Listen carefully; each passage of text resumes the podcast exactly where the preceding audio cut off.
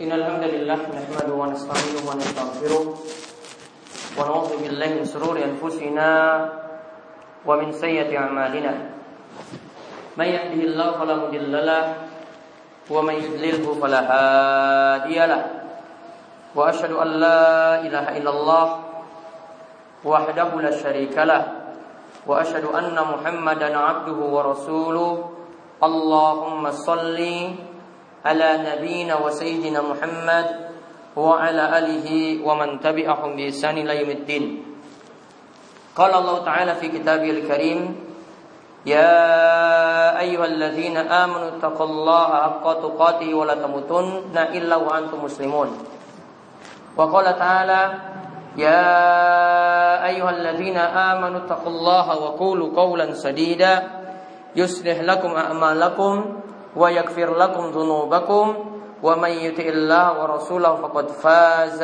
فوزا عظيما. فإن أصدق الحديث كتاب الله وخير الهدى هدى محمد صلى الله عليه وسلم وشر الأمور محدثاتها وكل محدثات بدعة وكل بدعة ضلالة وكل ضلالة في النار.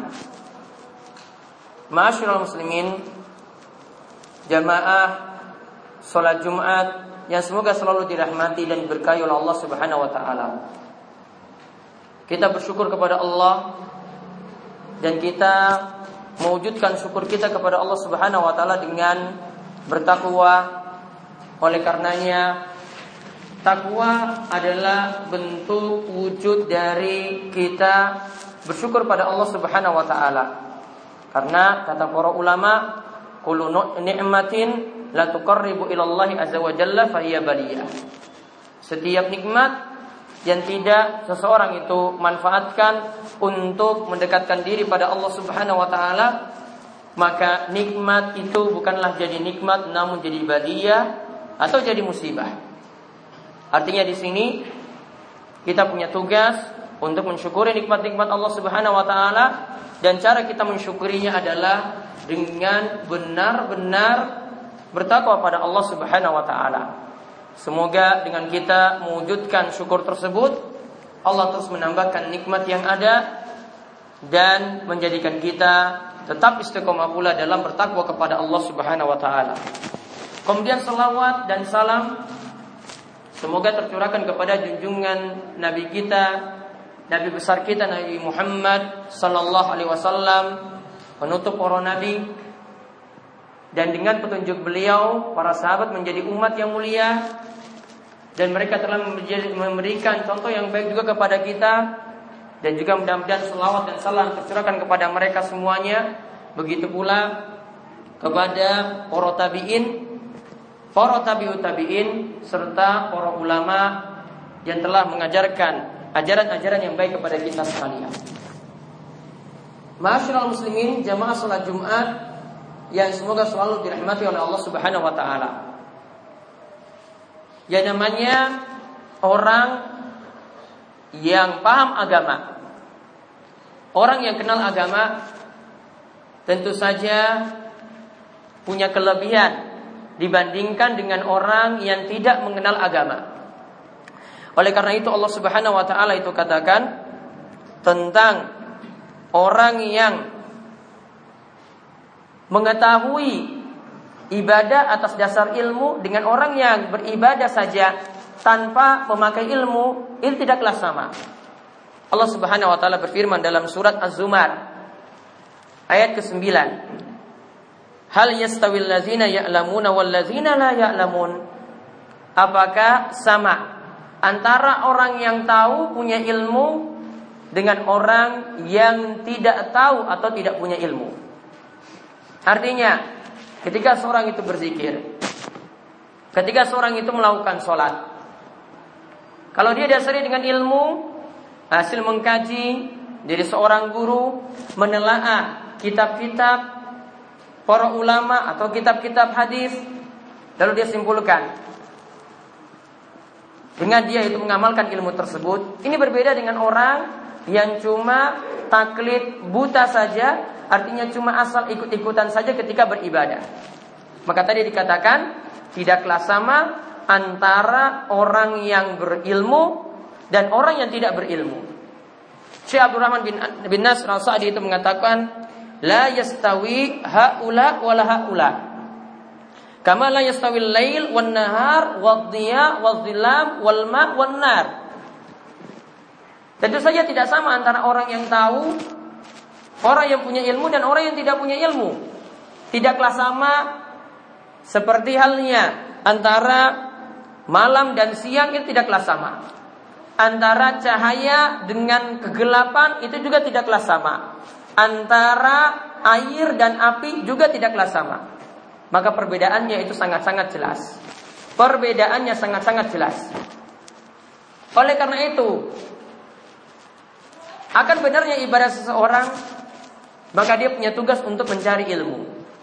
Dia punya tugas untuk belajar. Dia punya tugas untuk mengkajinya.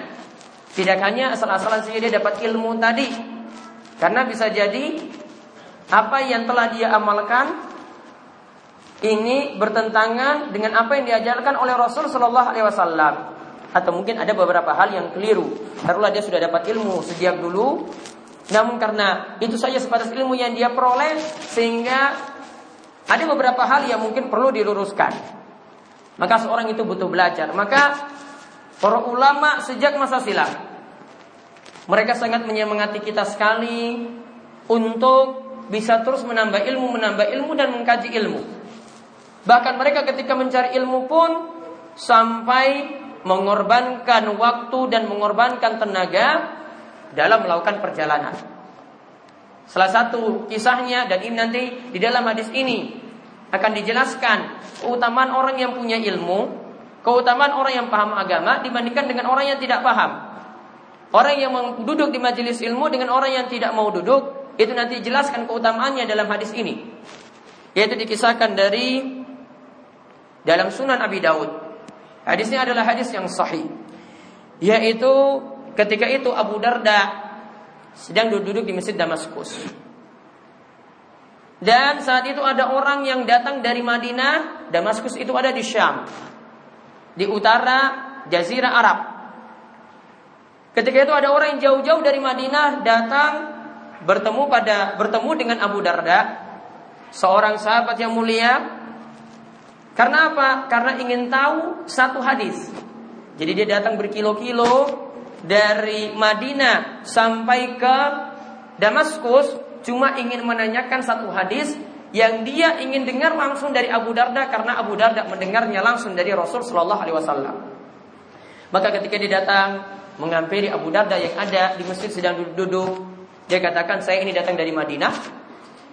Saya ingin mendengar satu hadis yang saya tahu bahwasanya engkau mendengarnya dari Rasulullah Shallallahu Alaihi Wasallam. Coba lihat salah satu contoh para ulama melakukan safar yang jauh. Melakukan perjalanan yang jauh cuma ingin mendengar satu hadis, bukan dua hadis, cuma satu hadis saja, ingin mendengarnya langsung. Maka ketika itu Abu Darda menyampaikan, "Iya, aku pernah mendengar dari Rasulullah Shallallahu alaihi wasallam. Beliau pernah bersabda tentang keutamaan orang yang paham agama, orang yang punya ilmu. Ia katakan, Rasul sallallahu alaihi wasallam itu bersabda, "Man salaka tariqan yatlubuhu fi ilman, salakallahu bihi tariqan min turuqil jannah." Ini keutamaan ilmu yang pertama, keutamaan orang yang paham agama yang pertama. Siapa yang menempuh jalan untuk menuntut ilmu, maka Allah akan memudahkan baginya jalan menuju surga. Dijelaskan dalam Faidul Qadir karya, karya Imam Al-Munawi. Beliau katakan yang dimaksud menempuh jalan. Bisa jadi orang benar-benar jalan. Atau maksudnya juga adalah dia cari ilmu tadi butuh baca, butuh hafal, butuh menyimak, butuh hadir di majelis sampai dia catat dan nantinya itu dia Pegang baik-baik catatannya dan nanti dia sebarkan ilmu itu. Nah ini yang dimaksudkan dengan hadis tadi. Siapa yang menempuh jalan untuk menuntut ilmu. Jadi bisa dengan berbagai cara di sini bukan hanya orang jalan cari masjid kemudian ngaji di situ. Namun dari dia itu berjalan sampai dia itu mencatatnya, sampai dia mendengarnya, sampai dia menghafalnya termasuk dalam hadis ini. Maka Allah akan memudahkan baginya jalan menuju surga. Kata Al-Munawi ia katakan, yang dimaksudkan di sini adalah Allah akan memudahkan baginya di dunia untuk beramal soleh. Dengan ilmu tadi dia tahu manakah amalan soleh yang benar, manakah amalan-amalan yang benar sehingga dia bisa melakukan sesuai dengan tuntunan baginda Nabi Shallallahu Alaihi Wasallam. Atau juga maknanya yang kedua Allah memudahkan baginya jalan menuju surga artinya nanti di akhirat dengan dia menuntut ilmu Allah akan memudahkan baginya untuk masuk surga. Jadi ini keutamaan ilmu yang pertama, keutamaan orang yang memiliki ilmu daripada orang yang tidak memiliki ilmu. Kemudian yang kedua, dikatakan oleh Abu Darda, Nabi SAW itu mengatakan wa innal malaikata la tadau ajnihataha ridan li talibul ilmi.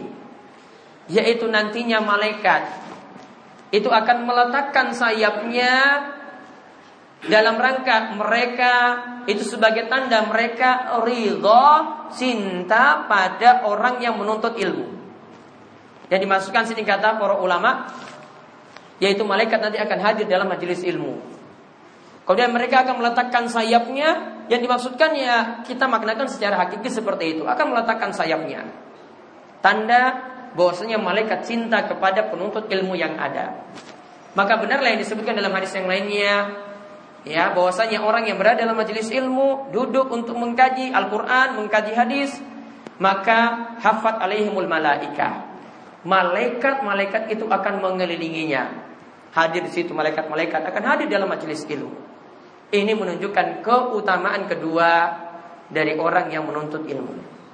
Kemudian yang ketiga, kata Abu Darda Nabi SAW juga mengatakan, wa innal alima la yastaghfiru lahu man fis samawati wa man fil ard.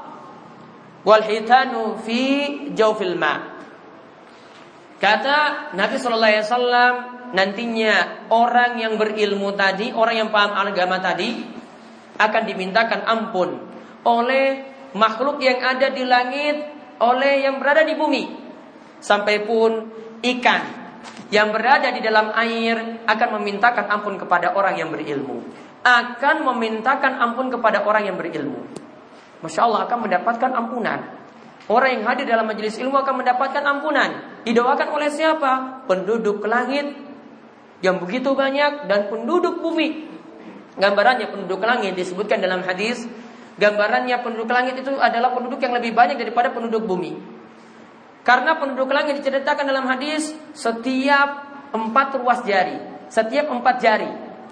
Di situ ada malaikat yang sujud kepada Allah Subhanahu wa taala. Setiap empat jari itu ada malaikat yang sujud kepada Allah Subhanahu wa taala. Di muka bumi ini tidak ada kondisinya seperti itu. Artinya penduduk yang begitu banyak di langit dan di bumi semuanya memintakan ampun sampai pun yang orang-orang itu tidak lihat, yaitu ikan yang berada di dalam air juga akan memintakan ampun kepada orang yang mau mempelajari agama. Kemudian kata Nabi Shallallahu Alaihi Wasallam lagi yang berikutnya dalam hadis Abu Darda ini, wa inna fadl alimi alal abidi keutamaan orang yang berilmu dibandingkan dengan orang yang ahli ibadah. Orang yang berilmu dibandingkan dengan ahli ibadah itu kafadlil qamari lailatul badri ala sairil kawakib. Keutamaannya itu adalah seperti keutamaan cahaya bulan dibandingkan dengan cahaya bintang-bintang yang ada. Kata para ulama yang dimaksudkan di sini adalah kalau orang punya ilmu, paham agama, maka pengaruhnya itu lebih luas. Dia bisa ajarkan ilmu ini pada orang lain Dibandingkan dengan orang yang cuma rajin ibadah saja, dia cuma mementingkan dirinya sendiri. Artinya cahayanya itu tadi seperti dikatakan seperti cahaya bintang-bintang, tidak terlalu memancar luas. Namun kalau cahaya bulan itu begitu besar dan itulah gambaran untuk orang yang menuntut ilmu. Kemudian dikatakan lagi dalam hadis ini wa innal anbiya. Dan terakhir dikatakan oleh Abu Darda Nabi SAW mengatakan wa innal anbiya lam yuwarrisu dinaron wala dirhaman. Wa innama ya rasul ilma wa rasul ilma. Faman akhadahu akhadha bihadzin wafir. Kata baginda Nabi wasallam sesungguhnya para nabi tidak mewariskan dinar maupun dirham yang mereka wariskan itu adalah ilmu tidak mewariskan dinar maupun dirham. Mereka cuma mewariskan ilmu saja. Maka Nabi SAW tidak meninggalkan dirham, tidak meninggalkan satu dirham, tidak meninggalkan satu dirham yang beliau wariskan untuk anak keturunannya itu adalah ilmu. Maka siapa yang mengambil warisan ilmu ini, maka dia telah mengambil keberuntungan yang besar. Ini menunjukkan bahwasanya setiap orang berbagai macam profesi, entah itu pedagang, entah itu buruh bangunan, begitu juga berbagai jenjang pendidikan, entah itu S1, entah itu seorang master, entah itu seorang doktor, entah itu seorang profesor. Kalau dia ingin mendapatkan keberuntungan yang besar, maka dunia yang dia miliki tadi, gelar yang dia miliki tadi, hendaklah juga dia lengkapi dengan mempelajari ilmu agama. Karena tidaklah cukup seseorang cari gelar saja, cari gelar dunia. Sedangkan agama nol bagi dirinya, dia tidak paham agama. Dia bisa dikatakan beruntung kalau dia mengambil warisan baginda Nabi Shallallahu Alaihi Wasallam.